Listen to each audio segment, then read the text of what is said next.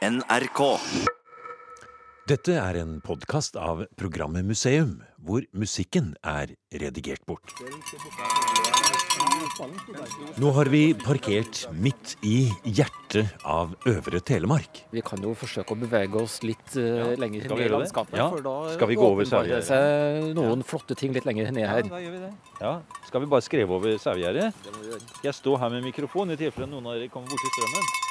Vi har kjørt vestover forbi Notodden, men stanset før Seljord. Dette er grunnfjell i norsk historie, med bygninger, landskap og natur som er vel verdt en gylden omvei. Vi skal snart finne ut hva det er. For med oss har vi representanter både for fylkesmann og riksantikvar. Og det er konstituert kulturarvsleder Øystein Andersen fra Telemark fylkeskommune og gammelordfører Olav II som viser vei. Ja, nå heter den garn åbe, og det betyr garn ved åa. Og den, en suåbe er da en del av en gammel storgard, og en av de eldste i bygda. Da må du sikkert ned til år null, eh, kanskje litt, litt eldre. La oss gå litt ut på kanten på bøen her og bare se det. Kanskje det er best å gå den veien, for da ser vi på en måte litt utover hele bygda. Eh, og vi må jo nesten eh, først Øystein, si hvor vi er igjen i verden, på en måte. Ja, nå er vi i Hjartdal, i det midte av Telemark. Eh, og i ei flott dalbygd, Nordbygda, med stor tetthet av kulturminner. Her er det mange freda anlegg, og vi har ikke noe sted i Telemark hvor det er så tett med freda bygninger fra jordbrukslandskap som akkurat her. Og Olav, du er født og oppvokst her? Ja, rett borti grønna her. Ja, når vi står her oppe nå, jeg holdt på å si i andre eller tredje etasje av Hjartdal. For det er en etasje til opp òg, oppå ja, fjellet. ja. Men de fleste kjører jo bare forbi nede i kjelleren. ja. Og, og da gir de glipp av det flotte landskapet her. Ja. Så det er mange som og kjører over, og de blir veldig forundra når de oppdager Hjartdalsbygda. Ja, for det går jo rv. 134 nede i bunnen av dalen her, og der er det så trangt at etter man har passert Sauland og kommer litt mer da i retning av, eh, skal vi si, eh, Flatdal og ned til Seljord, kjører altså den veien, eller mot Haugesund, holdt jeg på å si. For den går jo helt til Haugesund, denne veien her. Ja. Ja. Og på veien så ser man ingenting nede i bunnen her nede. Nei, eh, og der er det trangt og det er mørkt. Og Landstad var mye hitover på 1800-tallet, midten av 1800-tallet. Han er kollegaen sin borte på prestegarden Holm. Og han, når han kom da med hest, og han slo på hesten, for han trodde det var nifst og fare der. Men han hadde fart der mange ganger, og så hadde han truffet ei gammel jomfru, som han sa, som eh, var veldig eh, glad for at hun bodde i det området. Og seinere, sa Landstad, så erkjente han orda til, til den gamle jomfrua. Og da stoppa han opp og tok seg god tid i, i Ambjørndalen. Ja, I Ambjørndalen, ja, som ligger her nede. Og Landstand, han skulle vel kanskje ned til Seljord, han da? Ja, han var prest i Seljord og skulle treffe kollegaen eh, på prest, prestegarden Holm rett der borte. Eh, Nå var Landstad spesielt opptatt av folkeminne, så han fikk samla inn mye stoff her i bygda. Og han var jo rundt og kikka på en del av disse gamle husene husa som var knytt segner og soget til, ikke minst til Risvolloftet. I stor grad takka være Landstad så ble det skrevet ned en gamle sang om hjerteølene. Så mm, det er skriftlig, og det er jo en god del stoff ellers. Så mm, de var nok veldig bevisste på den gamle kulturen, og de var nok etterstolte. Og sauene har kommet ned, Olav, fra fjellbeite. Ja. Så nå skal de mm, bli enda litt større og feitere, før de blir levert til, Ja. til slakt, og det blir mye fårikål av det. her. Ja. ja, her blir det mye fårikål. Og her må vi se litt hvor vi tråkker hen. Og her peker Øystein. Her. Ja, Rett mot eh, en rydningshaus. ja nettopp. Midt i landskapet på nedsida av gården i Hellinga her. Eh, og det er flere rydningshauser rundt eh, i Hellinga nedover her, som forteller at eh, her har vært delt opp i ulike åkerlapper. Hva er det du sier, Ola? Nei, vi ser mange slike kulturminner fra strevet. Klart når de bygde så røysen her, så var det en kjempejobb. Og vi ser, De har til og med murer her, så det ikke skulle rase ut. Og Det var jo vanlig at de la disse reisen på uvante plasser, så det ikke, i hvert fall ikke tok dyrkingsjord. Og den beste jorda den ble bruka til kønnåker.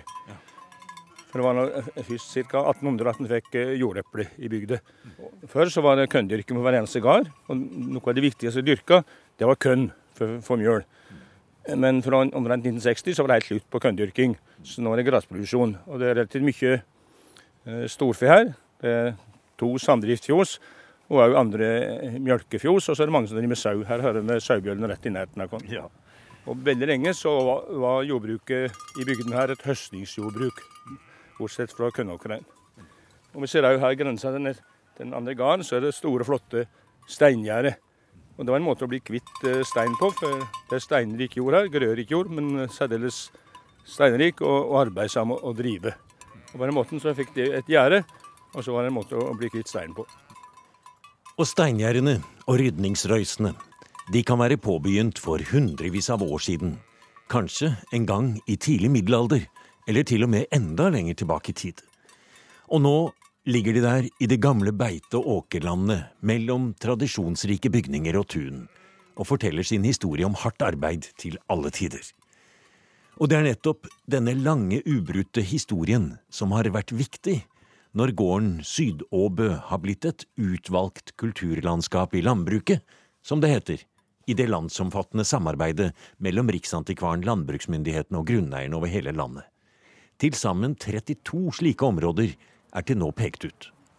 Anne Åsmundsen fra Fylkesmannen i Telemark og Ragnhild Hoel fra Riksantikvaren er med på å tilrettelegge for grunneierne, gi økonomisk støtte, og ikke minst velge ut hvilke områder som kan bli utvalgte kulturlandskap i landbruket det, først og fremst så er det tre sånne hovedgrunner.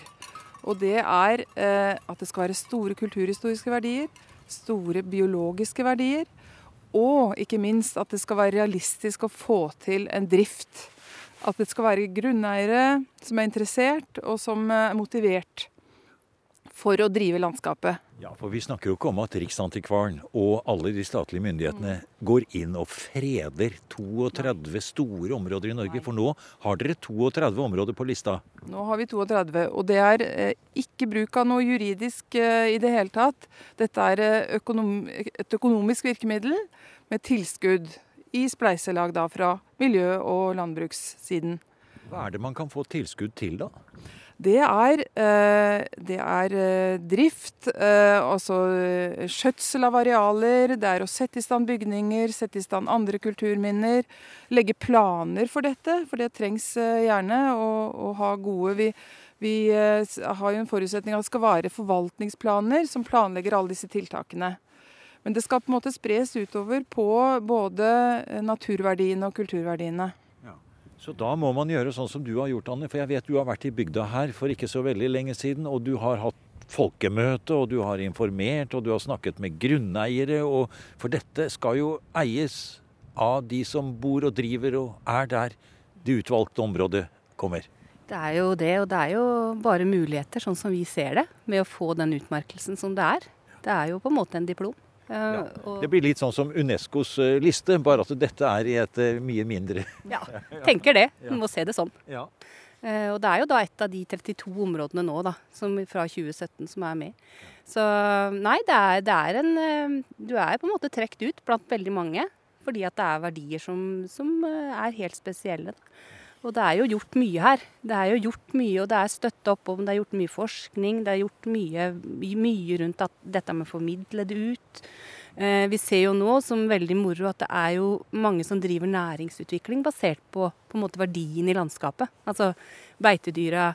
Eh, det er jo en egen et eget spinneri. Det er jo eh, noen som driver gardsturisme basert på dette her. Og du ser jo på en måte at det, det er en bygdemølle her.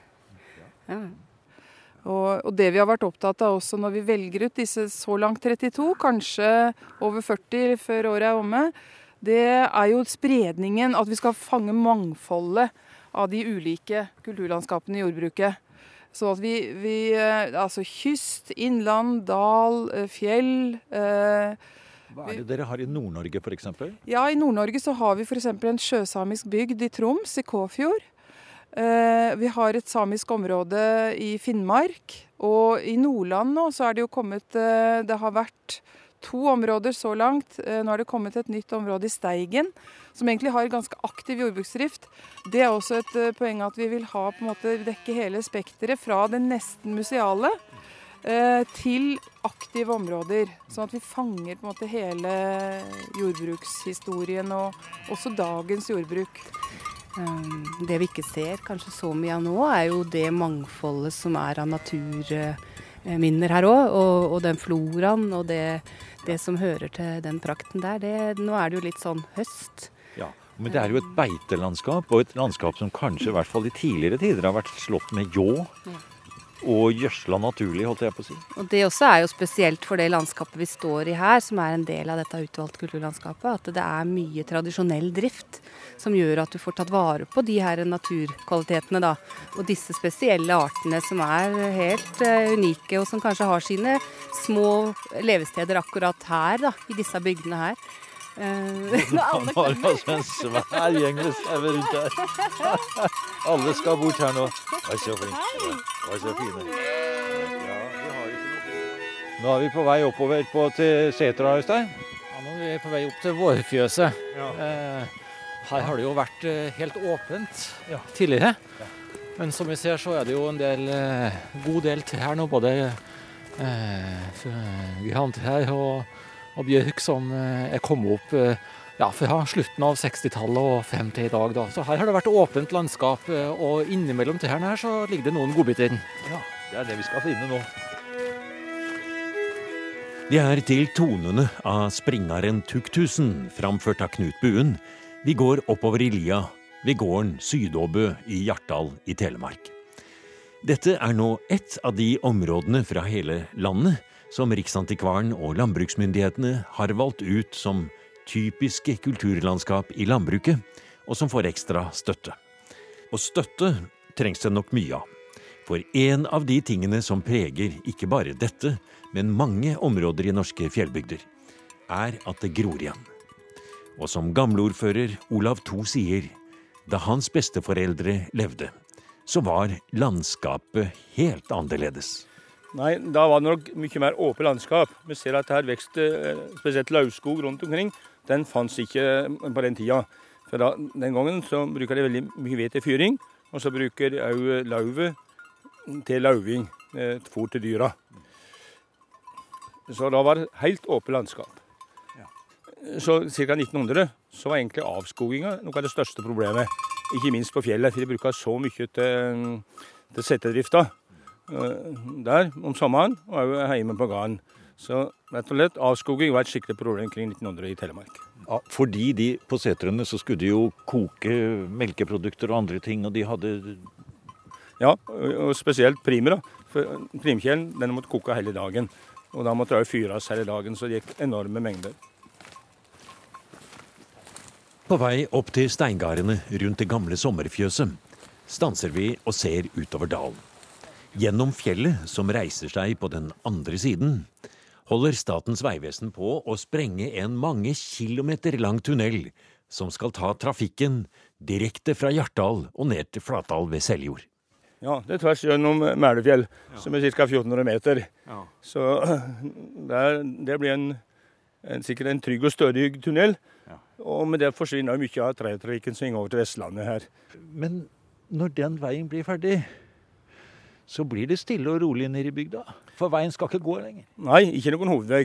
Men jeg regner med at det blir en opplevelsesvei, en gyllen omvei. Og fylkeskommunen har sagt at her ønsker vi å satse på sykkelturisme, særlig tilrettelegging. Så det blir jobba nå med et større prosjekt for å få fram opplevingen som en kan ha i landskapet og i området her. For vi tror at uh, det er mye som en kan vise fram her, og som folk vil like å oppleve. Er det noe fylkeskommunen Øystein, kunne tenke seg å støtte? En gylden omvei? Ja, vi ønsker gylne omveier i Telemark. Og som Olav sier, så er det også en stor satsing på sykkel i Telemark. Og vi ønsker som en del av folkehelsesatsing og annet også at man kombinerer det med opplevelser som man eh, kan ha rundt i Telemark. Og da unike opplevelser som det er bl.a. her i Hjartdal. Ja. Og da får man jo et ekstra argument, Anne, med å ta denne gylne omveien, hvis dette da blir et vellykket, utvalgt kulturlandskap som er grunnen til at vi er her nå. Ikke sant. Jeg tenker jo det at det er jo bare en pluss for alle og for alt. At en får dette området og får en ekstra, ekstra satsing eh, på det. Så du får på en måte tatt vare på alle disse verdiene i en litt sånn helhet. da. Og det er jo det som er formidlings, skal jeg si, formidlingsverdien nå. At du ser liksom landskapet i en helhet. da. Har du sett? Og her ser vi stabburet veldig fint, Øystein. Her er liksom eh, framsida på stabburet, holdt jeg på å si. Det er jo Her ser vi hvor fint det er. Ja, her ser vi eh, hele den nedre delen av gårdsanlegget med ja. bu og loft og låve og alle bygningene eh, i hellinga, eller på flata da, før hellinga ned. Ja. Og det må vel være en av grunnene Ragnhild, til at dette er utvalgt. At det er såpass mange originale bygninger igjen, som vi ser her nå i et naturlig tunområde. Ja, det, eh, det, er ikke alle de utvalgte områdene som har så mange freda bygninger som det er her i, i dette området. Det jeg syns er veldig artig å se her også, er jo at vi ser bygningshistorien i landskapet nå. For nå ser vi ned på Sudeåbø, som er et typisk førindustrielt tun. Med masse forskjellige små bygninger, lafta bygninger. Én for hver funksjon. Mens andre tun her som vi ser, har jo det typiske som kom på 1900-tallet, med en stor rød driftsbygning og gjerne hvite våningshus. Vi kan følge faktisk industrialiseringen av landbruket Ja. bare ved å stå her og se. Disse forskjellige gårdene er som sider i en historiebok. Absolutt, det er de. Ja. Fra de forskjellige hamskiftene i jordbrukets historie. Mm. Og det er jo også en kvalitet i og for seg. For det er ikke bare det at det skal være det eldste og det mest uberørte, men nettopp det at man kan se denne utviklingen. Nettopp. Og at man tar med seg eh, eh, kulturarv fra forskjellige tider og tar vare på det og kan oppleve det. Ja. Og Så ser vi jo også, som vi snakket om før, det med gjengroingen. Og det er jo noe av grunnen til også at man Vi ser jo at vi kan ikke stoppe gjengroingen overalt, men vi kan velge ut noen områder hvor vi satser fullt på det. Og da ta tilbake noe av det åpne landskapet. Skulle du ønske, Olav, at de trærne der var vekk? Ja, da eh, Han kan se på gamle bilder. Og det er akkurat slik som det ble sagt her i, i stad. Da var det et åpent landskap. Og da så en de mange kulturminnene ja. i bygda. Ikke, Ja. ikke minst rydningsstreifer. ja. Eh, flotte, Ja. eh, store steingarder. Vi tok en pust i bakken her. Vi, Øystein, vi, vi, må, vi må videre. Vi. vi skal finne spor, vi. Ja, nå er vi på vei opp til vårfjøset og Ja. området rundt. Ja. Og som vi ser, så er det dessverre ganske gjengrodd her. Ja, eh, jeg skulle til å si det. Det er jo hvordan det en gang har vært. Her har det vært helt åpent. du. Ja, her har det vært åpent. Så, men innimellom her så ser vi litt Ja, eh, her, ja. rester av steinhøyse. Ja, noen nettopp. Ja. og Og det var jammen ikke noe lett arbeid det vel å gå med ljåen her. Nei, det var en kjempejobb. Det var det er som det het før i tida. Og lange dager. Det var opp klokka fire om morgenen mens det var godt døgg i gresset. Å ja, for da, Da beit det bedre. Ja, lettere å slå. Ja, så bra. Ja, her ser vi jo oh, ja, så her har vi ja. ser vi jo der. oppover landskapet. Er Ja. det, innimellom trærne her så ser vi rydningshøysene ligge i hellinga oppover. Ja. Eh, og så står vi oppe en akkurat nå også. Nettopp. Dagen, det er mye arbeid. Det er mye arbeid, og her er det bratt. Vi Ja. andpusten. Og det er ikke mange lassa man får her med, med høy, eller? Nei, det er det nok ikke. Så det, det er marginalt. Ja. ja. Men nå er det altså da trær rundt det hele. Det er grodd igjen. Dette er sånn typisk eksempel på noe som kunne være et tiltak her, da. Å rydde rundt her slik at det blir åpent. Ja, det er det. Og det vil eh, åpne opp historieboka og lette forståelsen når man eh, går rundt her og leser landskapet. For vi hører jo her, eh, Anne, hvordan det Vi ser her teknikken i hvordan man har ryddet hver lille kvadratcentimeter. Båret det bort med håndmakt, lagt det opp i rydningsstøyset for å kunne slå en liten, liten bit her. Det er jo ikke mange kvadratmeterne, men det gjorde man. Det sier jo noe om hvor viktig det var. ikke sant? Hva, hva de brukte det til. De gjorde det ikke for gøy eller for moro skyld, de gjorde det for en nødvendighet. Og som, eh, som de så de trang til dyra av gården. Så, Og, og der hvor de slåttengene har kunnet leve litt lenger, så får man jo også en ekstraverdi av det i våre dager. Veldig. Det er jo et stort biologisk mangfold knytta til disse her slåttengene.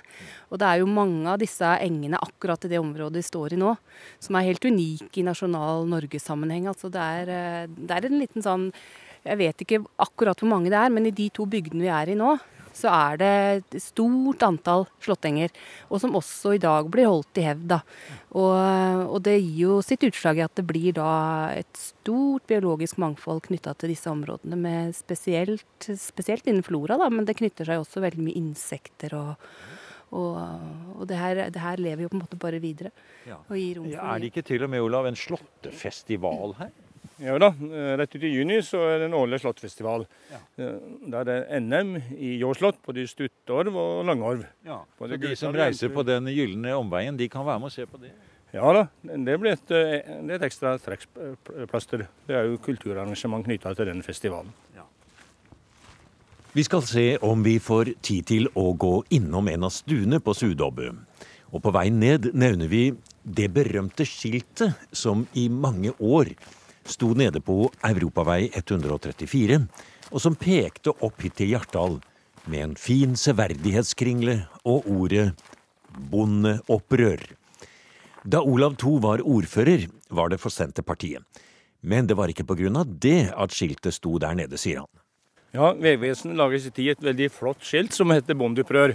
Det var egentlig et skilt som skulle gå til en minnestein om bondeopprøret i 1540. Ja, Det var knyttet til gruvedriften bl.a. langs Sundsbarmvann, og krav fra de tyske bergverksarbeiderne som kom hit. Det ville ikke bøndene her finne seg i. Nei, og det ble en veldig kulturkollisjon med ja. tyskerne, som var vant med det eh, systemet nede i Mellom-Europa. Ja.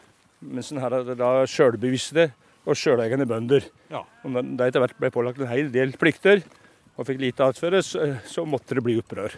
Ja. Så var et bredt opprør i Øvre Telemark. Ja. Det gikk jo ikke så bra, det opprøret? Nei, eh, det gjorde ikke det. Eh, det som skjedde, at de, de følte vel at de ble svikta av, eh, av kongens menn.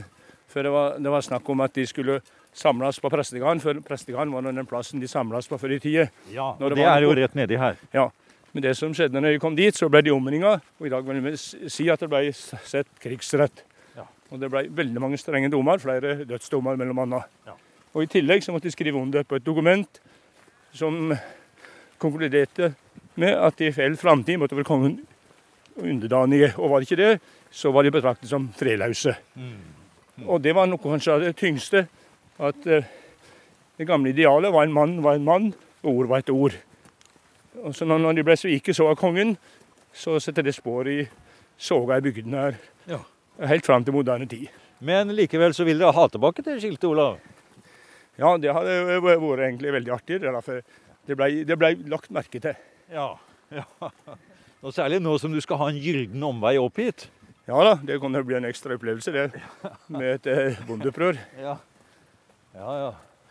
Og nå går vi inn her. Eh, inn i huset. Vi får lov til å komme inn. Er det Hvor gammelt er dette huset, tror du? Også? Det vi vet, er at det antagelig er oppført eh, omkring 1800. Ja. Kjennes på den gode varmen. Er det du som har fyra for oss i hele dag? Ja, nesten. Ja. Nei, ja. så, så, dette var stuga, og det var slik allbrukshus. Og så hadde man et re, en inngang, og så hadde man kåven. Ja, altså her er det en her er det en typisk middelaldersk treromsplan. Ja. Eh, det var det vanlige at man eh, hadde små stuebygninger med tre rom. Ja. Man hadde da en liten gang, som vi nå står i. Ja. Og rett frem da så, så var kjøkkenet, koven, som man kalte det. Som, eh, det var gjerne et lite spiskammers, eller kombiner, altså Man hadde jo multifunksjonelle rom den gangen. Så der kunne man sove og sånn, men det var et lite rom som man hadde adgang til via hovedstua. da. Og det er en flott stue vi står i her nå, i et gammelt, fint hus. Og vi ser på veggene er det utvalgte ting som henger. Er det en soldat som henger på veggen der borte? I en uniform? Er det nøytralitetsvakt han har vært på, tro? Det tipper jeg, ja. ja. 1905, sikkert. Ja. ja. for vi er på en måte Tiden er eh, stanset her sånn rundt århundreskiftet 1819. Ja, det har det. Og så har det jo vært i bruk helt opp til vår tid. da. Ja, eh, altså I Telemark så har vi jo bevart veldig mange rosemalte eh, stuer rundt omkring. Og mange av dem er jo overdådig malt. med, altså Du ser knapt veggene for rosemaling. Mens her er det litt motsatt. Her er det eh, lite, men, eh, men nok. Mm. Eh, og det viser at eh, vi er ikke Eh, vi er ikke på, de, på, en, eh, på, en, stor og veldig rik gård, men vi er på en, eh, på en gård som har klart seg på marginale ressurser. Og, og det ses også i intervjuer her, at det er nøkternt, også i det kunstneriske. Og det at det er en marginal gård, det er vel kanskje også noe av forklaringen på at bygningene er bevart. Mm. Fordi man ikke har hatt råd til å fornye bygninger og bygge nytt. Så det kommer jo oss til gode i dag, da. Det er litt av et grøttrau, det, Olav? Ja, det er Eller er det ikke det? Nei, det er nok heller et slaktetråg. Og som du kan stelle smør i, vaske smør i og til forskjellige ting. Og denne er egentlig en vanlig telemarksmodell med den forma her. Kanskje lavt her på gården òg? Det kan godt hende. De var flinke håndverkere på gården før, og de måtte være i stor grad være sjølhjelpende. Og så ser vi det står noen parafinlamper og sånn innimellom, for i dag er det jo elektrisk lys her, men eh, man fulgte kanskje solas, sola som eh, si, tidgiver mer før, og gikk tidligere i seng og sto tidligere opp enn man gjør i dag. Ja da, de fygde nok uh, lyset si rytme. Så, og de var nok, uh, hadde likevel god greie på tida. Og de kunne merke i fjellet når sola kom dit, så var det gjerne middagstid. Du har nå hørt en podkast av programmet Museum fra NRK P2. Og send gjerne en e-post til museum krøllalfa nrk.no.